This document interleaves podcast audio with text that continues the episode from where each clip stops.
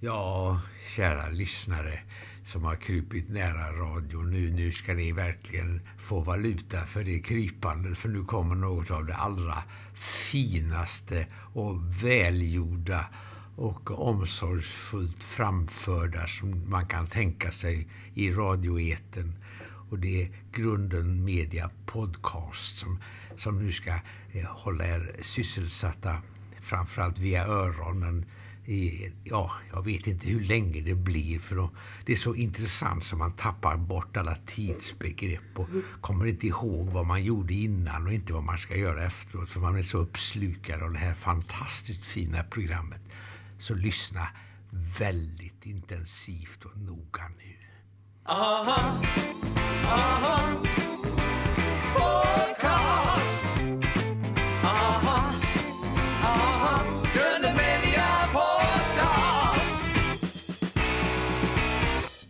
Välkommen till Grön Media Podcast med mig Jakob Olsson. Henrik Granström.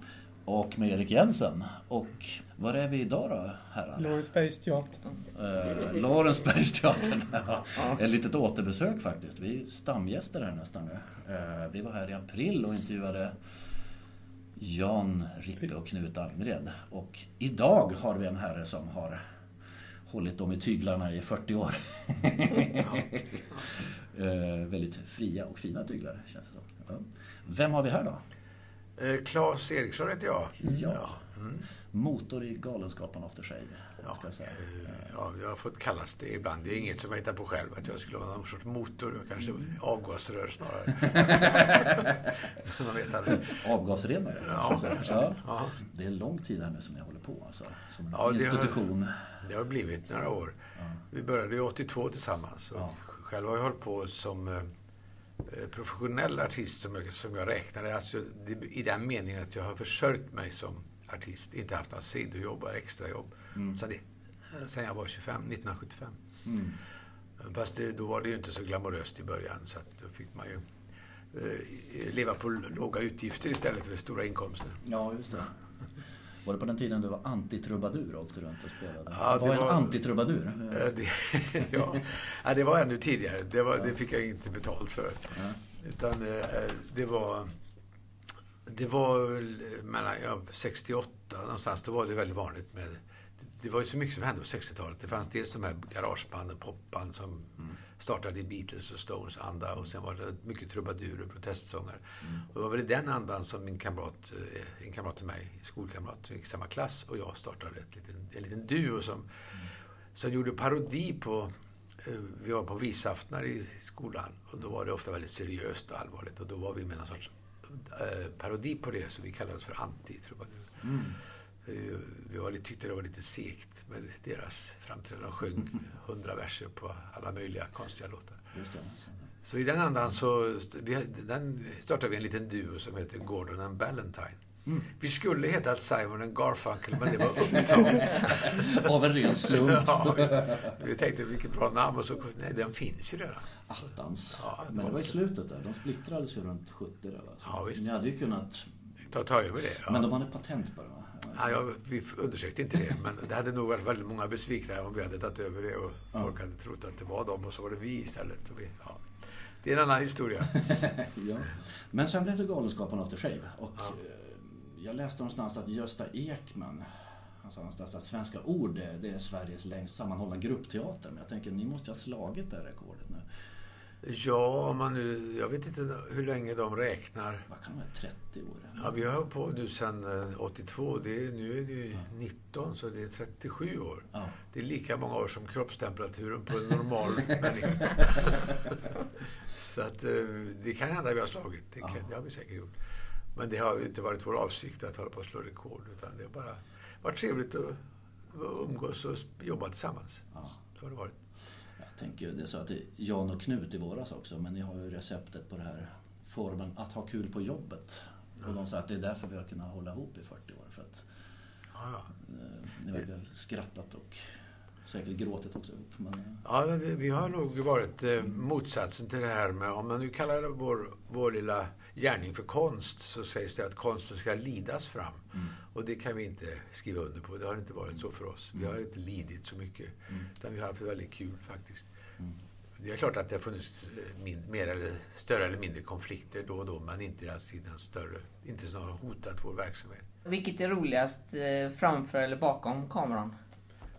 Och det var intressant. Eh, Det, jag tror nog jag är en av de få i, i gruppen som faktiskt trivs nästan bäst i manusarbetet. Ja. Och även bakom kameran också. Det tycker jag är, det var bland det roligaste jag gjort. Vi gjorde långfilmerna. Mm. Och tv-serierna också i viss mån. För jag, jag är väldigt... Jag tror att jag har en väldig förtjusning i att föreviga det perfekta ögonblicket, Mm. kallar jag det för. Och det, det är ju, teatern blir väldigt frustrerande på, i den, Mm. om, man, om man pratar på det sättet. För att varje kväll så ska man göra sitt bästa och vissa Mm. kvällar är man inte lika bra som man, Mm. som man vill vara. Mm. Och då tänker man ibland när man går hem från teatern att ni skulle varit här igår. Då var jag och då man, men när man då gör film eller gör tv sådär som vi har gjort, då kan man ju ta om och klipp, sitta i klipprummet och ju- fila på det. Så därför så är, är jag nog en... Jag är nog inte, inte en scenens barn i första hand. Mm. Är det mer frihet bakom kameran? Det är på olika sätt. Det, jag tycker det känns så, men det är många skulle nog säga emot för att man kan känna sig väldigt fri på en scen. Och, och, men jag vet inte, jag, jag har inte tänkt på det så faktiskt. Det var en intressant fråga, vilket som är mest frihet. Men eh, just manusarbetet är en väldigt stor frihet. För då är det har jag lånat från Alfred Hitchcock och alla, inte för att jag kände honom, men jag läste att han sa att när han skrivit manuset till sin film, då är den som bäst. Sen kommer skådespelaren och trampar sönder hela manuset. det vill inte jag säga, för det vara elakt på mina kamrater. Men, Ja. men det li- ligger i scoop här. Så. Ja, men det ligger lite i det, för att man då, då kan man ju se, då, då kan man sen när någon kommer in genom en dör och så ska han gå fram till personen. När man ser det i huvudet så går det jävligt fort, det blir rätt tempo. Ja. Men när man ska filma så visar det fan det är åtta meter dit. Så går, to, to, plötsligt blir det temposvacka. ja. Och det kanske man inte har tänkt på. Att det, är små, det här är bara ett väldigt yxigt exempel. Men det- allting blir mycket snabbare i tempo i huvudet. Mm. Och när man väl ska göra det konkret så blir det ju, då är ju verkligheten där och sätter käppar i hjulet. Ja, men jag, förstår, jag förstår vad du menar. Den här bilden man har i huvudet. Ja. Eh, Det är som bäst man sitter där och ser, ser filmen eller Ja, sketchen framför sig. Men sen måste jag då säga att till exempel eh, ett av våra största, en av våra största succéer, Macken, Roy. När han läste det manuset så var han jävligt mycket bättre än manuset. Så där finns det, Ja, det går, kan gå Ja, bägge vägarna. ja, ja. Det var, då var jag, det häpnade jag verkligen. Vi gjorde det i hans tambur Mm. en gång på eh, 1983. Just det, träsmak. Ja, innan Träsmötet hade jag skrivit en liten sketch för när jag som kund kommer in och lämnar min bil och så ska han ta emot den. Och då Mm. stod vi där, i- kan man läsa detta? Så, Mm. så läste han det högt med den här dialekten. för Han tyckte det var roligt att prova. Mm. Ja, det, och då, då kände jag att det här kan bli något alldeles extra. Ja. Ja, det, och den rollen har jag ju förvaltat med bravur alltså, Ja. i, i alla dessa år. Jag såg, när jag såg Macken på scen så slogs jag igen. Alltså, vilken jäkla timing han har. Alltså, Ja. när han, Han är ju fantastisk med, med Ja. timing. Han, det han har ju sett, eh, gått in i detta eh, efterhand. Från början var vi, improviserade vi mycket mer, men han har ju, för att ha en hög lägstanivå när man spelar många föreställningar så är han oerhört teknisk. Samtidigt som han har kvar eh, improvis, alltså känslan. Så det, Mm. det blir inte mekaniskt när han gör det. Utan, men han har en teknisk eh, briljans som inte vi andra har. Mm. Så att det blir väldigt lika varje kväll.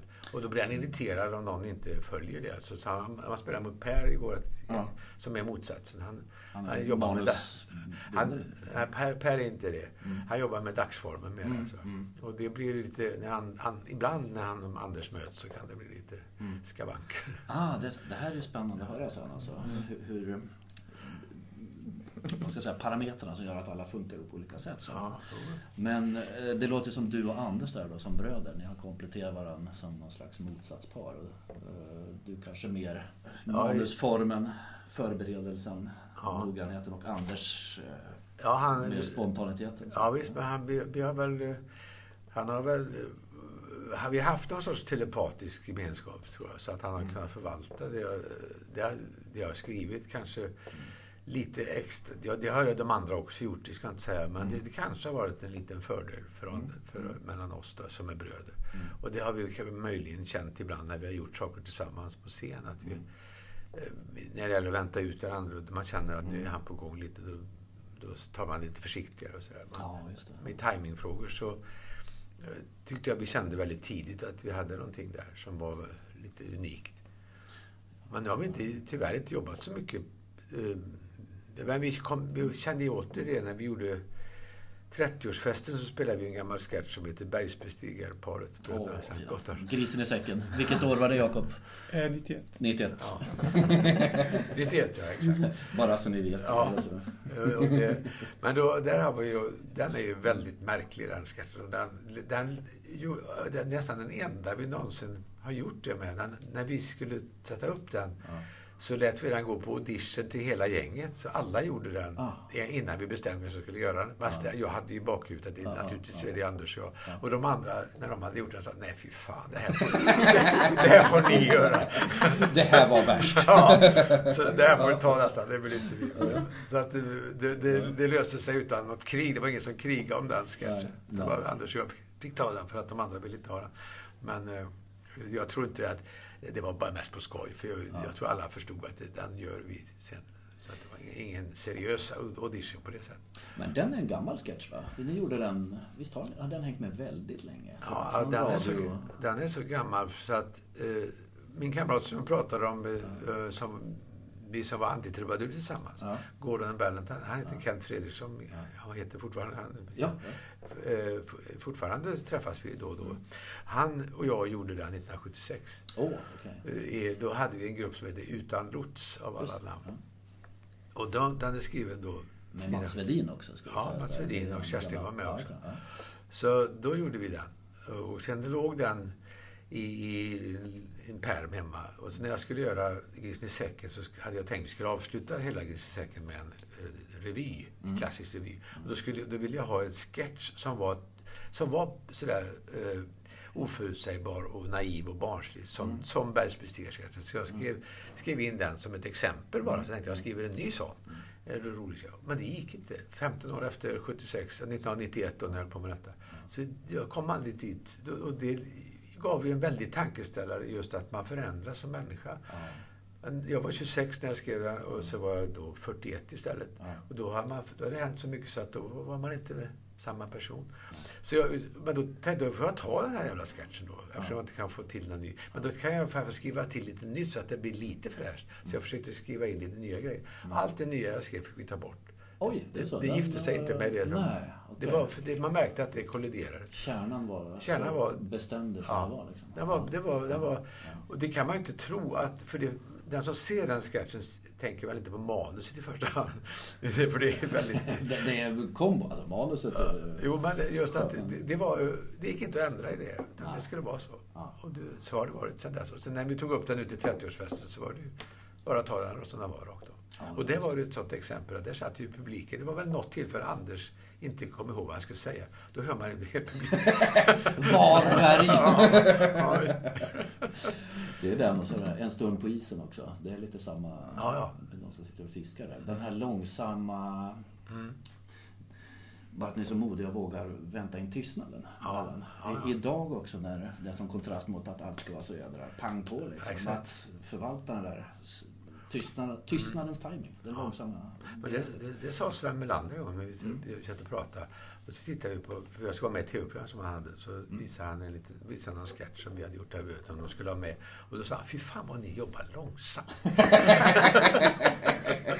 ja, men inte som något negativt, men, det var, men han, var, han noterade det och det, det hade inte Ja. jag tänkt på. För, för mig är det så självklart vart han Ja. väntar. Och, för vi får ju garv och det går ju, folk har ju roligt. Så att det, det, då tror jag ibland att man i sin iver att eh, inte, man är rädd för pauserna. Ja. Och då slår man sönder mycket, på, mycket komik. Ja. Visst, det, det, man, ska vara, man ska vara modig och våga vänta, det tror jag. Är det inte att underskatta publiken också? Jag tror ofta att man är rädd att publiken ska inte fatta det. Jag får börja som Ja, mata på. Liksom. Eh, Man ger dem tid att ta in. Liksom. Konst alltså. Ja, men det, det har ni ju förvaltat så himla fint. Eh, hur bildades Galenskaparna egentligen, Claes Eriksson? Eh, jo, eh, det var, nu får vi gå tillbaka här lite. Det var ju eh, efter att vi hade haft den här gruppen som hette Utan lots som jag nämnde lite förut. Så där slu, där, den, den var ju... Eh, hade medlemmar som då hade andra jobb i sidan så den blev krympte ihop och blev mindre och mindre. Så till, till slut så var det... Vi var tre kvar från början. Var fem, från början var vi fem och så var vi tre som var med i Hagges revy 1976. Mm. Och det var han, Kent Fredriksson, som jag pratade om, som var ena halvan i Gordon och Ballantine. Och så var det mm. Kerstin och så var det jag. Och efter det så fortsatte han läsa eh, ja, på sin eh, utbildning. Ja. Och eh, då var det... Eh, efter det, eh, efter det äventyret med med Hagges revy. Så den gick ganska bra den revyn. Mm. Så den hamnade i Stockholm. Inte tack vare oss på något sätt utan den hade stjärnor som Jöris Pettersson som var en stor oh, gammal skål, fin skådespelerska. Och uh, Jarl Borssén och det var några stycken som var väldigt stora på den tiden. Mm. Så vi hamnade på Berns och då, då hade jag som var 25-26 år då full av energi och eh, framåtanda packat väskan när vi skulle upp till Stockholm och spela sex veckor på Berns. Så uppvaktade jag radiounderhållningen mm. med en eh, programidé som heter Kommers. Mm. Och som då innehöll Kerstin och mig och min bror Anders. Mm. Det var första gången vi skulle jobba ihop på, på riktigt. Alltså. Och så hade vi en pianist också som hette Åke Drugge som skulle spela. Han var en gammal skolkamrat till mig. Mm. Vi fyra skulle göra detta. Och det, detta nappade radiounderhållning på under ledning av eh, Bengan Wittström som var en gammal fin man. Plattityder-Bengan. Ja. Oh, det vet inte jag vem det är. Kjell Svanberg och Bengan Wittström. Plattityder, det ska ni det, det kan jag förstå, för det är så länge sedan nu. Men han var en oerhört fin man. På den tiden fanns det lite mer, det, det är lite mer strömlinjeformat nu skulle jag säga. Men det fanns plats för sådana här lite udda existenser som Bengan Wittström var. Han var väl som många, alltså producent på radio och jazzmusiker. Ja. Jag vet att det var många som hade den här dubbelrollen. Sten Karlberg och...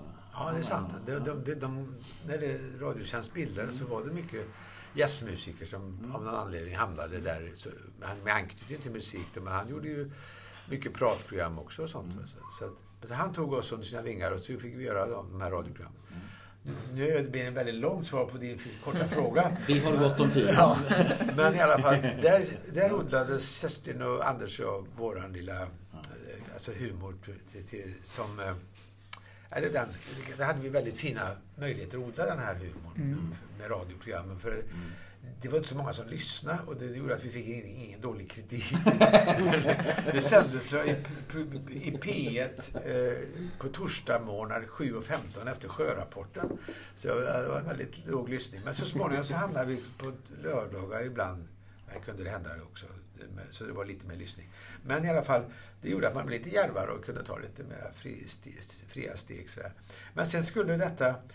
Sen på den radiounderhållningen gjorde man ett Eh, radioprogram som heter Frukostklubben med Sigge Fürst, en gammal skådespelare och revychamör. Just det. Mm. Du vet det ja. Och då, han, då, de, han hade gjort någonting som heter Frukostklubben i 35 år, eller 30, över 30 år. Och nu skulle de göra den sista Frukostklubben för att skulle sluta. Och det var nyårsafton 1978. Mm. Och, efter, och det, eftersom det var samma avdelning på radion som producerade hans program som producerade våra program. Mm. Så, hade de, och de, så hade de hört att vi var lite roliga sådär. Och, eh, Frukostklubben hade av tradition alltid med några lite mer okända. Mm. De hade väldigt kända artister, sen hade de några som var lite amatörmässiga, lite okända. Och för att det skulle vara sista programmet då, så, alltså, eftersom det var sista programmet så skulle de ha lite bättre amatörer. Och då frågade de oss om vi ville vara med. Och jag fick ett uppdrag att skriva någon sorts parodisk hyllning till Sigge Fürst. Alltså en liten hyllnings... En liten sketch med lite små sånger i, som parodierade hela programmet. Mm. Så det gjorde jag och det, det, kom med och då sändes detta i TV och radio eftersom det var sista programmet. Annars var det ett radioprogram så det gick aldrig i TV. Men just det här sista gick på förmiddagen för det var ett morgonprogram. Mm. Klockan 10 tror jag det var. Mm. På nyårsafton 1978. Och då var vi med och då fick vi namnet Galenskaparna. Efter det. Mm. Den, den eh, kanske ni har sett. Jag tror den finns ute någonstans. Ja, den finns väl på eh, Youtube. Anders är ju alldeles lysande som Sigge Fürst. Ja, han, gör, han är alltså 22 år och, och i första direktsänd i TV imiterar Sigge Fürst. Det är riktigt bra. Så. Ja, han var lite nervös, det kan man ju säga. Ja, ja. Och han, det, så vi, är, vi är de tre som fick de sista frukostklubbsnålarna som delades Det är ju jättefint. Ja. Alltså. Och haft sjörapporten som förband, kan jag säga. ja, det... fråga, är det där du fick idén till det där farvatten utanför det, det, finns en sjörapport som du gör där i macken tror jag. Som är så ja, det, är en radioapparat. Ja, ja, det, är det, det, det är väldigt lite. Det är bara en, där han stänger av radion. Bjuroklubb. Ja. Små detaljer som jag älskar. Ja, det kommer du ihåg Jakob. Ja. Vad tänker du när du hör den där unge Klas, något yngre Klas Mm. material idag sådär? Ja, jag kan bli imponerad av honom. Jag Ja. känner, var är han? Jag kan ta, komma och hjälpa mig. för det är mycket svårare idag att skriva faktiskt. Ja. Och det är en väldigt tråkig grej, för man tror ju att det kan man följa med en hela, hela livet. Men det är någonting med inspirationen och med åldrandet som gör att de inspirerade stunderna blir mer avlägsna. Mm. Och jag brukar säga att författaren eh, har, han har eh, sagt upp sig och försvunnit. Mm. Så, så hittar han ibland och då undrar var fan har du varit? Mm. Just det. Plötsligt eh, dyker för- han upp lite. Ja, visst. För Ja. I den här föreställningen jag spelar nu så jag brukar jag skilja på eh, att man ibland i den, i den, bästa av världar så skriver man på inspiration. Mm. Och det är den, det lyckligaste stadiet. När det bara det är fantastiskt. Mm. Och Macken är skriven på mycket på inspiration. Och det är därför den är lite mer, det det är därför den är så bra. Så kan jag tycka, Ja. även när man pratar egen sak. Men sen när man blir äldre så är de inspirerade ögonblicken så få, så då får man skriva på erfarenhet. Mm. Och det lär man ju sig till småningom. Så småningom. Det, det är inte lika bra, men det, ibland kan det bli nästan lika bra. För att man får ju en bättre hantverksmässighet med åren. Man lär sig jobbet. Så att eh, den här spelar nu har väl utav det nyskrivna materialet så är väl allt utom ett nummer skrivet på erfarenhet. Så det är ett nummer som är skrivet på inspiration. Och det, Mm, mm. det, och det kom i somras. Mm. Och då var jag väldigt glad i flera veckor efteråt. Det var så länge sedan jag hade Kan så. man leva på det? Alltså, Ja. Hur gjorde jag? Nej, men, Men det går, till, det går liksom inte att sitta och vänta på det och det går inte att jogga fram det. Det Nej. bara kommer om man har tur. Men man måste jobba med det. Så. jag tänker där, eh, är inte det generellt sådär? Jag tänker på Hasse Alfredson pratar jag mycket om där också, att det blir svårare. Sen klämmer man ur sig prinskorv under taket. Ja. Sådär, eh, med Peter Dalle i och för sig. Då, Ja. att han det jobbade var- med andra. Sådär. Ja, han blev ju tvungen efter ett tag gick bort så tidigt. Så. Ja. Nej, det var ju väldigt... Det, jag läste just en väldigt fin biografi om honom. Kalle Linds. Ja. Åh. Den var jättefin. Det, det var väldigt skönt att se att nå- någon har tagit tag i den bollen och skrivit en rejäl biografi om Hasse Alfredson. För det var en av de största kulturmänniskor vi har haft i det här landet. helt unik. Han borde ha haft det för länge sedan. Det var som Kalle Lind skrev i förordet. Att folk frågade honom, vad gör du? Ja, jag skriver en bio, biografi om Hasse Alfredson. Mm. Ja, men det finns väl hur många som helst? Nej, Nej. sa han då. Det finns inga. Han var den första som skrev det. Kalle Lind är den perfekta. Ja, det var väldigt bra. Ja. Det var, och den var väldigt fint skriven. Så att den hade jag stor glädje av. Men vad tänker jag? Alltså, det finns så mycket som redan är skrivet. Ja. Tänker jag. Mm. Med 40-50 år i bagaget. Eller som du har skrivit hela ditt liv. Liksom. Och det, det är också ett problem när man sitter och... För man är ju inte med människor och eh, man tappar ju lite det här eh, intresset för samtiden. Som, som, som man har självklart när man är yngre. För att man måste det för att man lever. Men när man blir, som jag är nu, pensionär då, då distanseras man ju från det stora flödet. Och, så, och då kanske man inte på samma självklara sätt tar del av det. Och samtidigt som man kanske blir lite mer allvarsam också. Så man får inte den här barnsliga, naiva, aningslösa glädjen som man hade. Som bara det, de här 15 åren mellan 76 och 91, bergsbestigaren pratade om. Mm. Alltså den, den är skriven i en sån otrolig naivitet. Mm. Och den hade jag inte kvar 91 när jag skulle skriva en ny sån sketch. Mm. Och nu har har ännu mer av den försvunnit tyvärr. Mm. Och det är bara att vara ledsen. Jag vet att när jag skrev Alla ska bada så försökte jag skriva en revy som skulle påminna om cyklar. Mm. För jag tyckte den var så yster och fin. Mm. Och då tänkte jag nu ska jag försöka göra en sån. Och det gick inte alls. Det, Mm. det, Alla ska bada är väldigt kontrollerad och, och st- uppstadgad. Mm. Men den har den små korta ögonblick kanske i sina första akter och kanske även i andra. Men den är inte som cyklar på något sätt. För det, går inte, det finns inget släktskap alls. För att man, då gjorde man det för första gången. Liksom, Ja. och sen det reproduktion. Ja. Alla, båda två är ju mästerverk tycker jag då. Nu är jag ju stort fan så det kanske spelar in. Men, Jo, eh, nej, jag, är- jag är ju, Alla ska bada har ju andra Ja. förtjänster. Ja. För den är så sammanhållen också. Och den är ju, ja, framförallt finalen är väl jag väldigt nöjd med. Men eh, annars så... Ja, Väldigt lekfull ändå tycker jag. Med Ja. tanke på också att det var ett rätt tufft år för er. Ja. Att, eh, det var det. I och med att Peter Rangmar gick bort. Ja, visst. Eh, Men det var, den är gjorde skriven det. efter. Monopol. Som var eh, en, en, den långfilmen gjorde alldeles Ja, innan. ja. Och då fick jag lite mycket det, är sån här tråkiga kommentarer i pressen. Om, om Claes Eriksson vill verka politiskt får han starta ett politiskt parti och inte Mm. göra långfilm. Såna- Ilskan eh, mot reklam-tv skiner igenom där Ja. och eh, Stenbeck då att det här... Ja, TV3. så det var ju- det, Ja, den behövdes tycker jag. jag, jag är glad att den är gjord. Så jag, Ja. jag, säger, jag brukar säga det om de här filmerna. Som. Jag, fall- det är en sorts reservation mot utvecklingen. Och jag kan säga till mina barnbarn att skyll inte på mig. Jag försökte i alla fall. Mm, Men, ja, det är som det är med det. Men det var i alla fall, jag- i kölvattnet av den filmen så tänkte jag att jag ska försöka bli lite mer lekfull och inte så politisk. Och så, och så försökte man göra något som cyklar.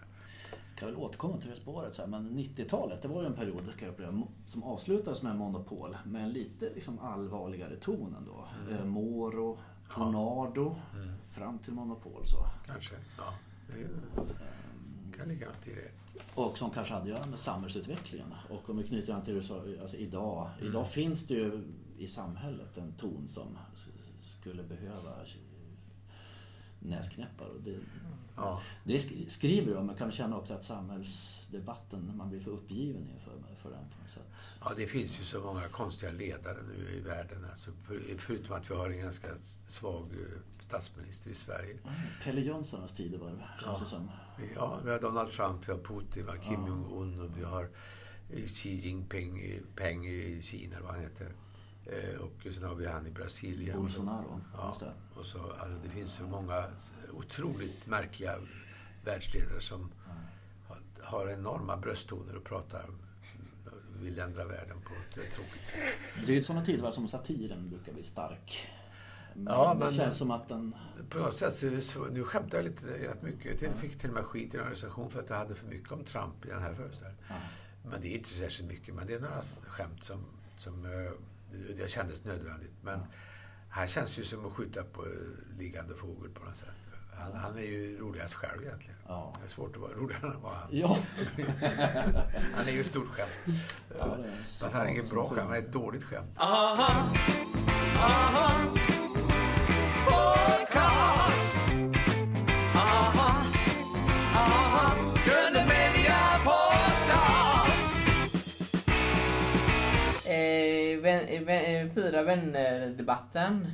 Så verkar du få publiken med dig när du skrattar sådär hejdlöst. När du gör sådär. Eh, det är ju väldigt roligt. Jag såg den här om dagen. Eh, att ni håller ju inte riktigt överens, med varandra överens där i soffan. Nej. Nu pratar vi alltså fyra vänner från Gladpack. Ja, det var början. den jag fortsätter Ja, ja, visst. Jo, men det... Du menar att de andra blir lite Ja, irriterade? ni säger ju att eh, de är ju där för magen alla, men du säger ju att du är där för röven. eh. Ja, foten, huvudet, Ja. eh, ryggen, Röven. Ja, och du är på en vårdcentral som är nedlagd. Ja. Eh. Ja, men det, Ja. men det, det, det är bara, då säger vi att vi bara skojar. Vi var där för Ja. allihopa. Du Men, verkar ju få publiken med dig där när du, gör, när du skrattar sådär. ja, men det är ju en, eh, det är en gammal komisk tradition faktiskt. Att man, eh, det finns hela halvan har flera sådana ställen där de skrattar bara. Ja. Och la- the laughing routine Ja. kallar de det för. Ja. Men det är ju inte så att jag sitter inte och tänker på hela halvan utan det bara blev så att de, jag märkte att publiken tog till sig detta. Så, Ja. så, sen tog jag väl i för mycket och överarbetade, så de andra var väl lite irriterade på mig. Men det, är det väldigt roligt. Ja. eh, jag blir lite så när jag får tag i det så kan jag inte sluta. Men det är underbart att se hur den spinner. Alltså, den, den har ju varit med några gånger den sketchen. Ja. Och, det, Det kan och man den säga. har ju som svett lite där på det. Den var ju väldigt, om man ser den i Gladpack-versionen, första versionen, så är den ju väldigt städad. Och sen kom den ju i 30-årsfesten, om man säger. Där är den väl utvecklad till max, tror jag. Och sen var den med i allt möjligt också däremellan. Ja, just det. Och eh, nu vet jag inte om den är med i tv-versionen där. För eh, det, det är jag inte säker på, jag kommer inte ihåg det nu. För då, då när vi gjorde allt, allt möjligt eh, så var det ju, det var ju Gladpack på scen egentligen. Så då, då tyckte jag, jag vet inte om den är med, jag kommer inte ihåg det.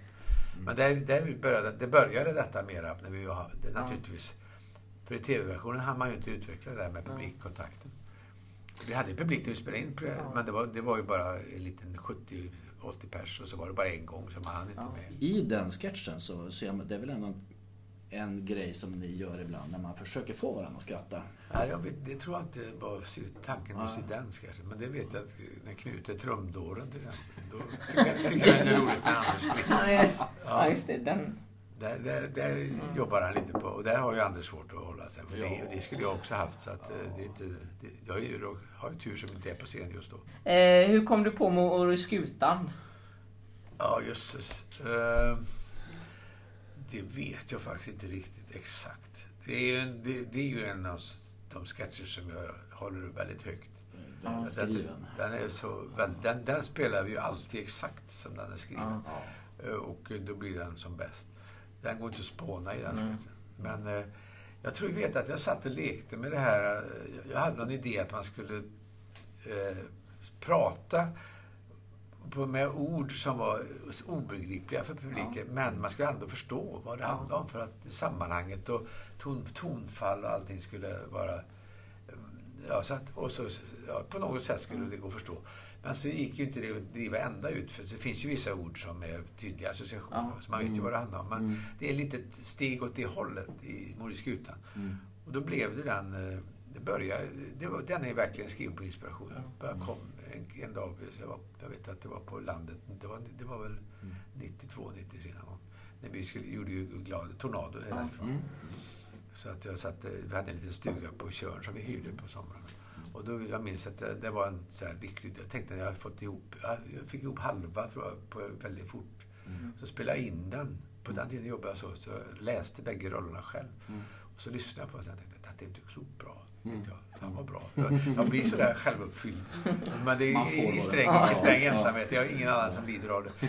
Och så, så la jag undan den. För jag brukar känna att jag vill lyssna när jag har väntat lite. Och se om det är lika bra dagen efter. Och det tyckte jag det var. Och sen fortsatte jag. Så, så jag skrev på två dagar. Men jag kommer inte på exakt uppslaget. Nej. Men det, det, det är ett kärt minne. Den är ju, ja det är från Tornado där. Eh, Mm. Jag tycker den är ganska så här, eh, typisk för Tornado-sketcherna. Mm. Du gör alltid välskrivna grejer ska jag säga. Men där känns det att du liksom jobbade på... eh, Det är mycket monologer. Ja. Och att monologen, eller dialogen i sig, alltså slutpoängen kanske inte har varit viktiga längre. Utan just Ja, men det, eh, hela den processen. det ligger, det, det, är- jag, jag brukar säga att den är, är ju egentligen, det, det, den är ju skriven för att dels utveckla mig själv, att lära mig att skriva längre sketcher, längre monologer. Och dels att utveckla ensemblen, att kunna spela längre sketcher, men alltså spela teater. Den, den var en väldigt, den kom precis då efter Grisen i säcken med och då hade vi spelat Stinsen brinner och så hade vi gjort himla många program som var väldigt ko- korta grejer. Och, och eh, Macken då som hade ju den bärande, det var ju Anders som var bärande, sen var, kom vi in med bara små. Men i Tornado finns det ju lite mer dramatiska, lite mer gestaltande sketcher som bara 6, 7, 8 minuter. Det vet jag att det var ju till recensenterna vansinniga. Man får träsmak bara man tänker på dem. Och så här. Jag fick mycket skit för det. Men, men eh, sådana här som Hattaffären till exempel som aldrig tar slut. Ja. Min bror är från Marocko. Ja, det är Mattaffären. Ja, det är mattaffär. Just det. Ja. men Hattaffären, Hattaffären. Ja, Mattaffären är ännu längre. Så Ja, den, det. den, det var ett Ja, bra exempel ja. också.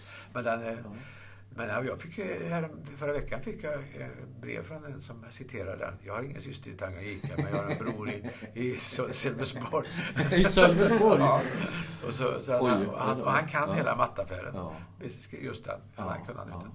Så det, för den eh, har tydligen smugit sig på. Det finns ju, verkar som det finns publik för allt. Försonades du och Jan efter Standard Hjelm-inspelningen? Nej, men Jan är en otroligt snäll och fin person. Ja. Nej, jag- vi var aldrig Ja. ovänner om Nej. det. Det var, det var väl...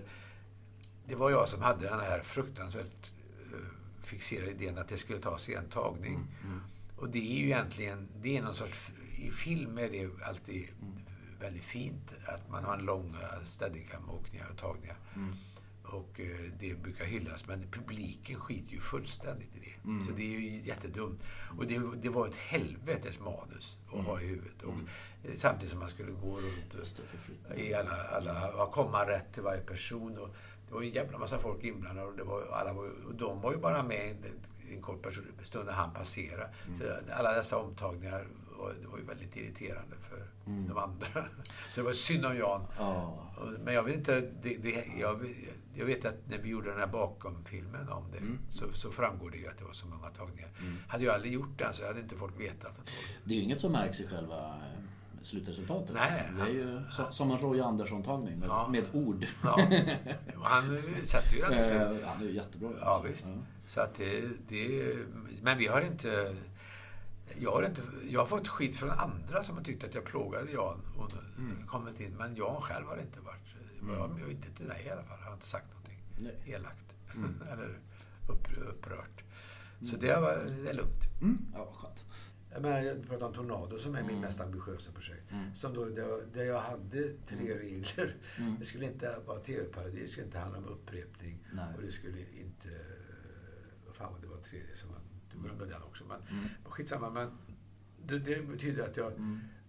För, för har jag gjort i himla många program. Så Mm. det, skulle, det, skulle, Mm. det skulle vara en Mm. spegling av hela, hela samhället. Och inget, inget äckligt programledarfjäsk. Mm, nej, nej. Som Preussen. Det var därför de här fackellöparna sprang hela tiden. Just Så det. att, så att eh, det, skulle, det var själva deviserna. Mm. Och det gjorde det hela jättesvårt. Mm. För man fick inte upprepa sig. Man, alltså för det är också en TVs...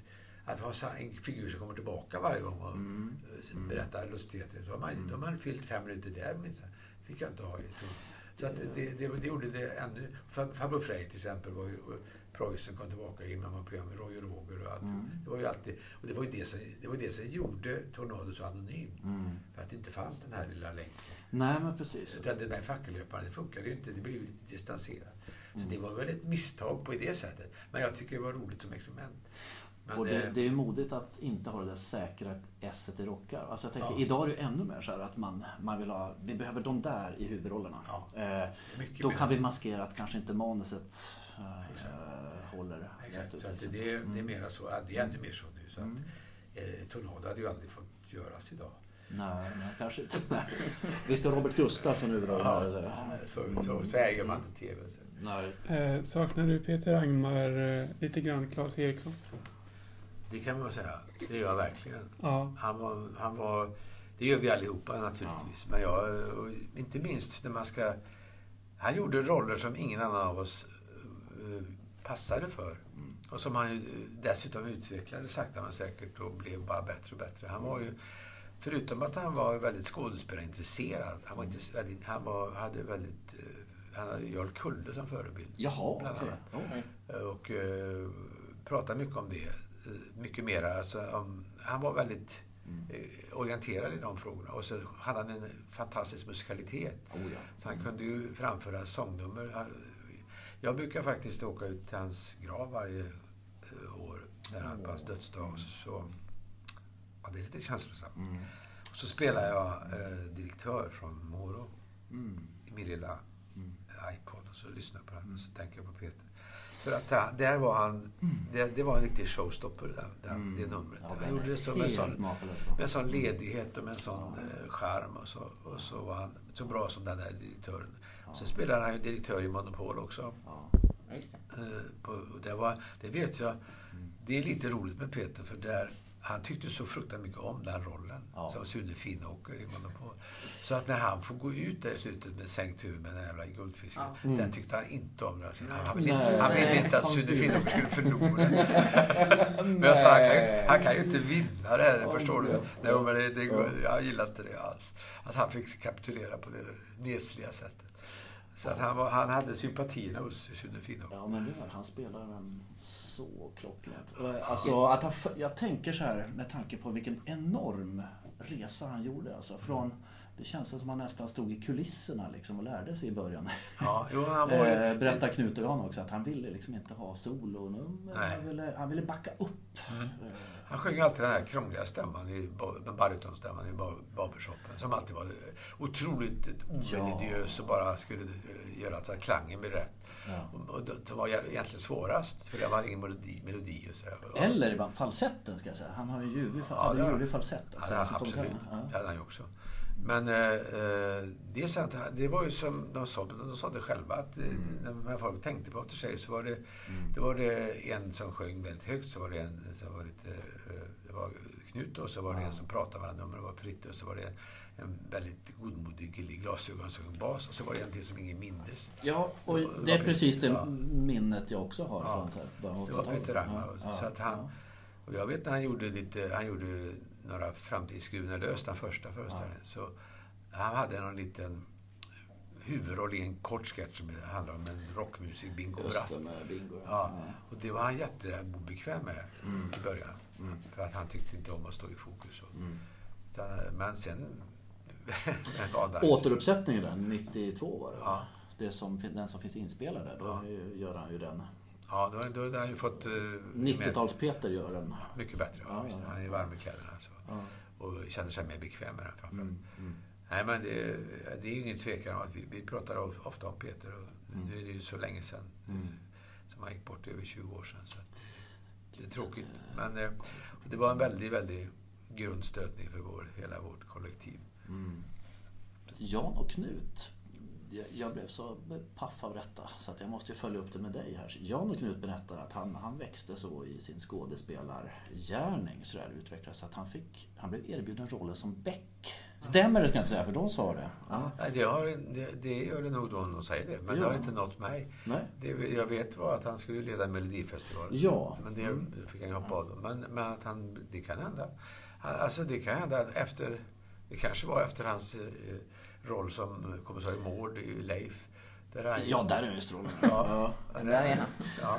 Ja, men det, det är inte helt sådär, jag tänker det är inte helt eh, ologiskt. Alltså, Nej. vilka är det som har spelat Beck? Det är Carl Gustav, eh, Gösta Ekman, Ja. Peter Haber och alla är ju lysande komediskådespelare Ja, också. Liksom. Så att, eh, Det kan jag mycket väl tänka mig. Jag, jag har faktiskt inte hört det. Det är lustigt att du säger för jag, jag har inte hört det från, från varken Peter eller Knut och Jan. Nej men Jan berättar och då vet jag, jag, blev, jag blev mer såhär. Här ska jag ställa följdfrågor då tänkte jag. Så jag för, Ja, men jag kan inte Nej. gå vidare i det på det sättet. Men jag, jag, det, jag kan hålla det för trovärdigt.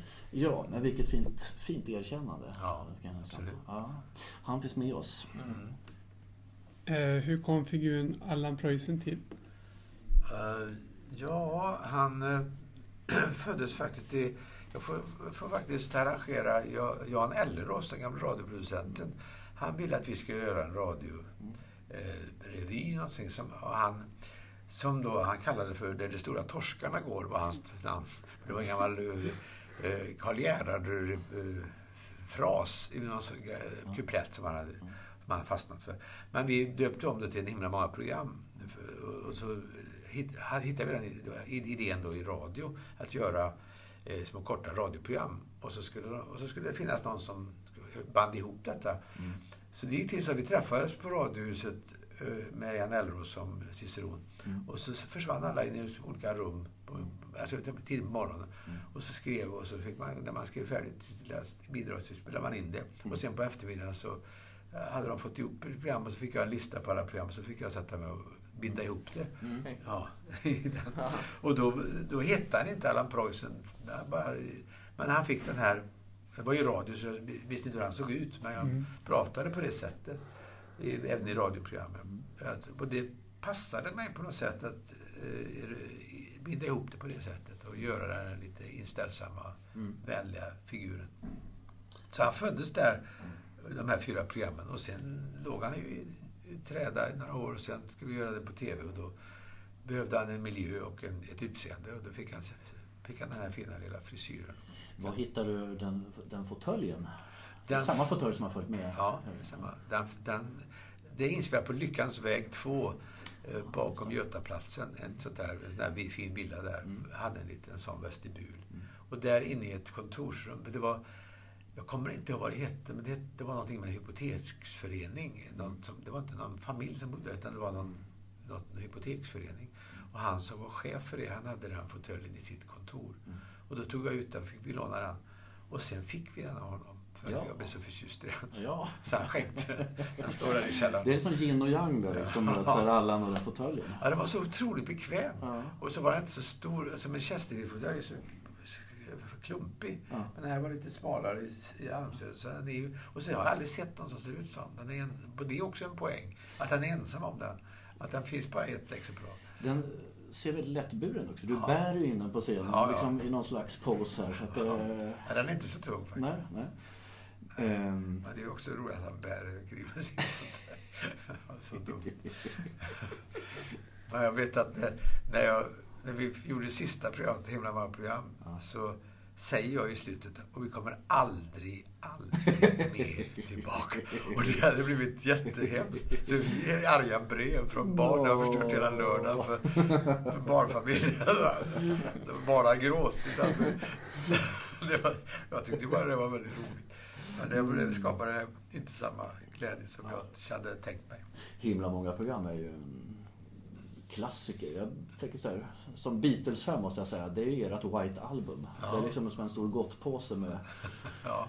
högt och kanske något lite mindre högre. Så här. Men det är liksom summan av kardemumman liksom. Har, Ja, det är väldigt roligt. Jag hade gärna gjort fler av den. Vi var inne på vi skulle göra något sånt, så det som blev Gladpack sen. ja, Alltså att involvera, för jag, jag, det är inte så att jag har underkänt alla andras manusarbete utan och det kan verka så att jag har lagt mig som en stor våt filt över deras kreativitet. Ibland kan jag känna det att det kanske ser ut så. Men eh, i Himla många program fick, var det fullständigt öppet och eh, att alla fick skriva, alla fick bidra. Ja, skulle verkligen göra det också. Det gjorde vi i radioversionen. Men, men det märkliga var att när, när då gjorde radio så var man tvungen att skriva på papper för att det, det fanns ju inget, inget att titta på. nej. Utan man, måste, man måste gå via ordet. Ja. Men i TV så är ju bilden med och då gjorde vi så faktiskt tack vare min, min hustru som är producent som tittade in här alldeles nyss. Och så fick hon då eh, som produktionsplanerare och eh, alltså alla fick Oavsett, vi satt inte och nagelfor allas manus. Vi satt inte och läste som en liten jury. Utan ah, var det någon som tyckte det här vill jag göra, så var det bara att då, då litade vi på dens omdöme. Vederbörande hade det. Så behövde inte vi gå in och lägga oss i. Han, kanske, han eller hon kanske inte är så duktig på att uttrycka sig i skrift, men det kanske blir roligt i bild. Ja, just det. Och då hitt- hittar vi, är det en stor är det en jättestor sak så är det en hel dag. Är det en mindre så är det en halvdags inspelning. Är det ännu mindre är det en, en halv, halv dag, en kvarts dag. Och så fick han, han lägga det i inspelningsschemat. Så det var ett jävla schema att lägga. Och Det var ute över hela stan och spelade in överallt. Så när vi hade gjort färdigt allt så hade vi 70 minuter som inte fick plats. Och så blir det ännu ett program där. Ja, 70 minuter. Vi satt och, men det var, det var en av de här Ja. det, det är nog det närmaste Monty Python vi har kommit när vi skulle välja ut det som skulle vara med. Ja. Då satt vi en hel natt och röstade och då var det ganska upprörande känslor. Det var så? Ja. Ja. När vi skulle ta bort, det var ju väldigt smärtsamt, Mm. vissa nummer som inte fick vara med, eller vissa inslag som inte fick vara med. Mm. Mm.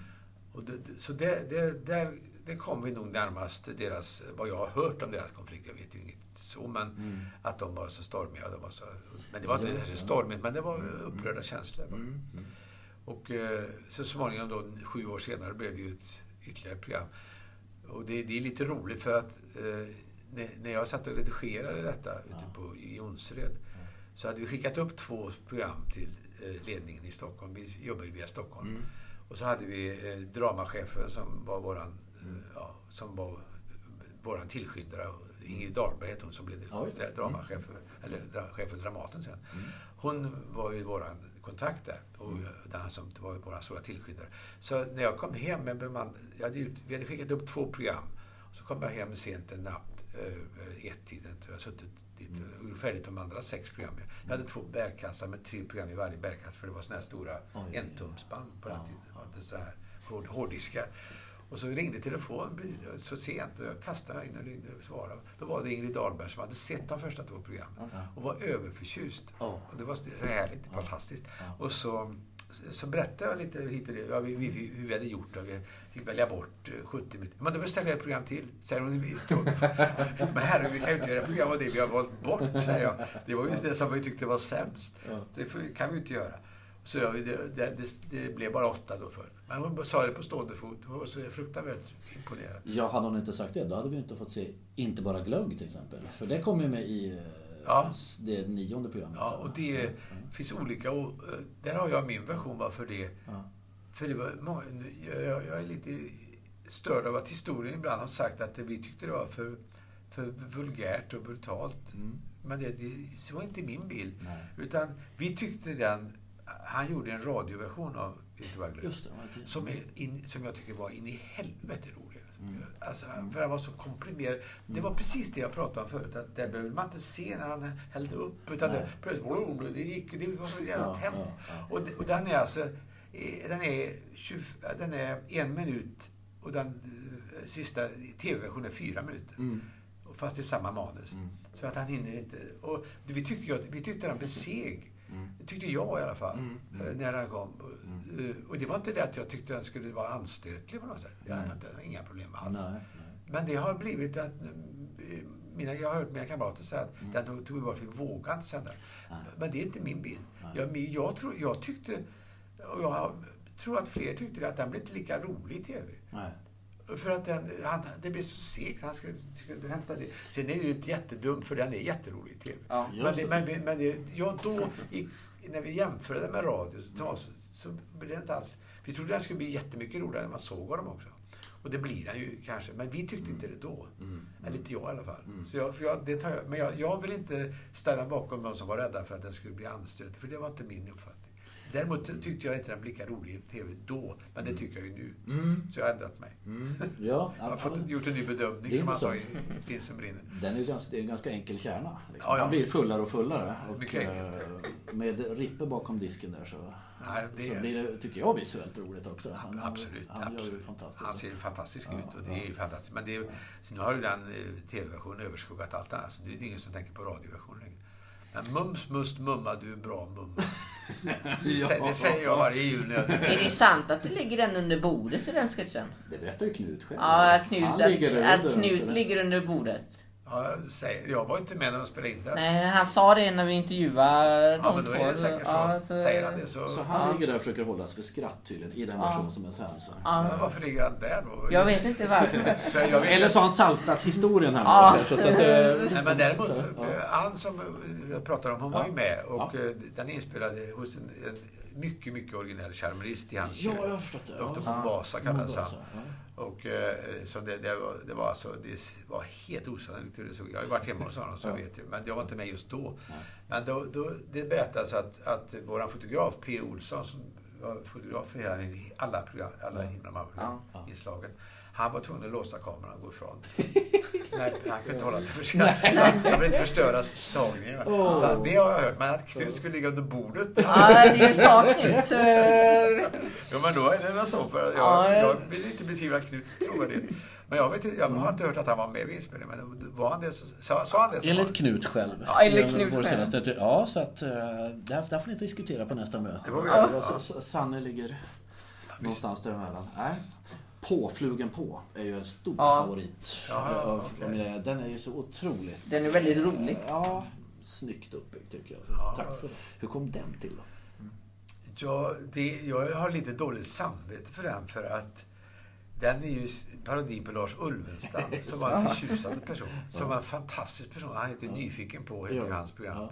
Och han, och då, jag tyckte väl, eller retade mig lite på att det var något litet, litet aningen för pretentiöst drag i de programmen. Så jag skulle göra en parodi på det. Men eh, sen, sen träffade jag ju honom. Eh, han pratade aldrig om detta, men jag, var- han satt på spårvagnen en gång. när jag gick. Då var jag tvungen att tacka för de här, alla program. Och alla sommarprogram han gjorde. Så. Han var ju så, han var en fascinerande ja. kulturprofil. Så, eh, på rätt. Det är ju kulturprofil, jag kände jag när jag sa det. Det en helt andra Här pratar vi om en, en, En riktig mycket kultur. godhjärtad kultur. Ja. Mm. Men, eh, så att det, ja, eh, men jag, jag tyckte själv att den blev... eh, Alltså egentligen är det ju inte programledaren jag ska parodiera utan det är ju de här författarna. Och, han, eh, ju- och- den här, det är ju den här finkulturell... För, alltså det är ju en parodi på finkultur Mm. igen. igen återigen. Att, det, att de här som ska eh, analysera det hittar alltid saker i det Mm. som inte författaren har en aning om. Mamma var hora och pappa... Ja. Vad fan han säger. Ja, ja. Så att det, var, det är inte så märkvärdigt det här. Och så hittar de massor med stråk till barndomen. Ja. Det var det det är en parodi på.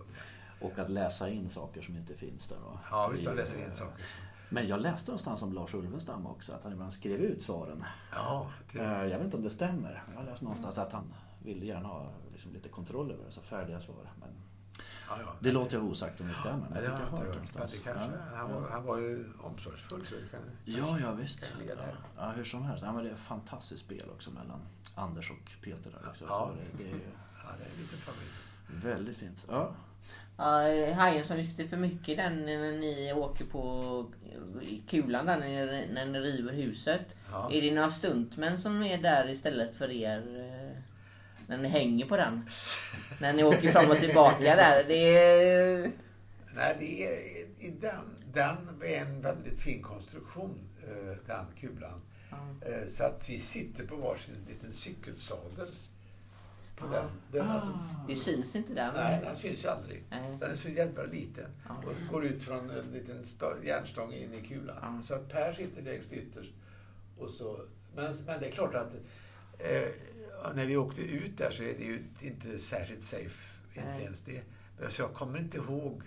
Nej. Jag kommer faktiskt inte ihåg Men de det- här scenerna som är tagna nerifrån när man ser... Ja. För det ser ju ut som att den är väldigt högt upp. Ja, det är jättehögt uppe. Ja, Det är det. Men eh, de, sen de bilderna från... eh, Ja, hur är det med det? Ja, det, det, nu frågar du saker jag har Ja. glömt. Det är jättesorgligt. Men Ja. för det här är ju en hjärtesak för mig. Men jag hade ett väldigt intensivt samarbete med Johan Thorén eh, som var han som bildade Svenska stuntgruppen som tog in Kim och Rajala. Så han blev, blev egenföretagare sen. Men då var han ju knuten till Johan. Och de hade, förutom alla stunt, så hade de en verkstad som tillverkade sådana här saker. Så han, i hans stora verkstad gjordes den här kulan. ja. Med, med de här möjligheterna att sitta. Jag tror vi var fastspända också så att vi inte kunde ramla av. Mm. Men det är, jag tror det är vi faktiskt Ja. som sitter där på alla bilder. Men inte sådär vansinnigt långt ovanför marken, tänker jag. Utan det, här Jo, lite, det är det är så alltså? Ja. Okej, oj. Ja. Att vi, håller väldigt, vi sitter fast i, i varandra i selar. Ja. Så vi kan inte ramla ner. Så, men det är högt upp. Alltså. Men sen när ni åker den där motorcyklarna på landsvägen Mm. så åker ni förbi en, eh, en hage där det är massa kor. Ja. Den kon som ligger i bakharet. Eh, Vad är, hur har ni gjort det? Eh, Det, det är ju... Det måste vara antingen Kim och Rajala eller Ja, ja, nej, det, det var... Bland det roligaste. Ja, den är ju väldigt rolig, den scenen. Bara där liksom. Ja, men det, var, det, är ju, det är ingen stunt utan det är, det är ju ett kohuvud som är ja. hämtat från... Det, är hämt, det var många som var upprörda över den scenen för att det var Ja. de som inspelade i teamet alltså. Jaha. Det var hämtat från slakteri och vi hade en... Det är ett riktigt kor Ja, alltså? ja. Okej. och eh, det var ju... Det kändes väldigt makabert. Jag tycker den scenen är Ja, jätterolig. när man ser den så är det inget, men när vi spelade in det menar jag, då var Ja. hanteringen av det var lite makaber. Och så, så ligger det, jag tror det bara är en, en utav, eh, i team, en teammedlem som ligger med någon eh, pinne och så närmare borsten. Ja. Så, så, att det, så det är ingen stuntgrej så. Nej. Utan, men det har att göra med att jag alltid har fascinerats av att jag- det finns en badkar med i alla mina filmer. Ja. Det, det kan man bara roa sig med om man nu tycker det är intressant.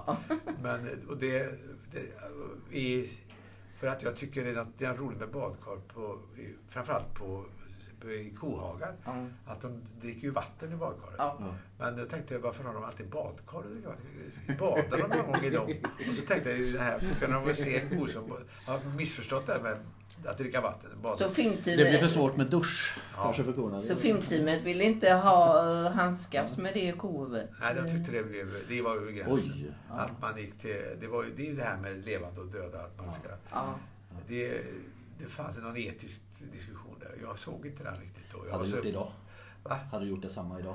Jag vet, jag kanske hade tyckt att det var lite makabert också faktiskt. Ja, Men eh, jag har föredragit att inte berätta. Jag har inte fått frågan förut. så du är väldigt uppmärksam. Vi ställer de här Ja, frågorna. som- så att jag har inte behövt fundera över detta. Nej. För nu när jag var tvungen att göra det kan Ja. jag känna att det kanske var lite att gå över gränsen. Jag vet inte. Men, men det, men som sagt, den är väldigt rolig den scenen. Ja, det var roligt att höra. Är det, det här avsnittet skop då kanske? Att det är riktigt kohuvud? Ja. Aha! Aha! Oh!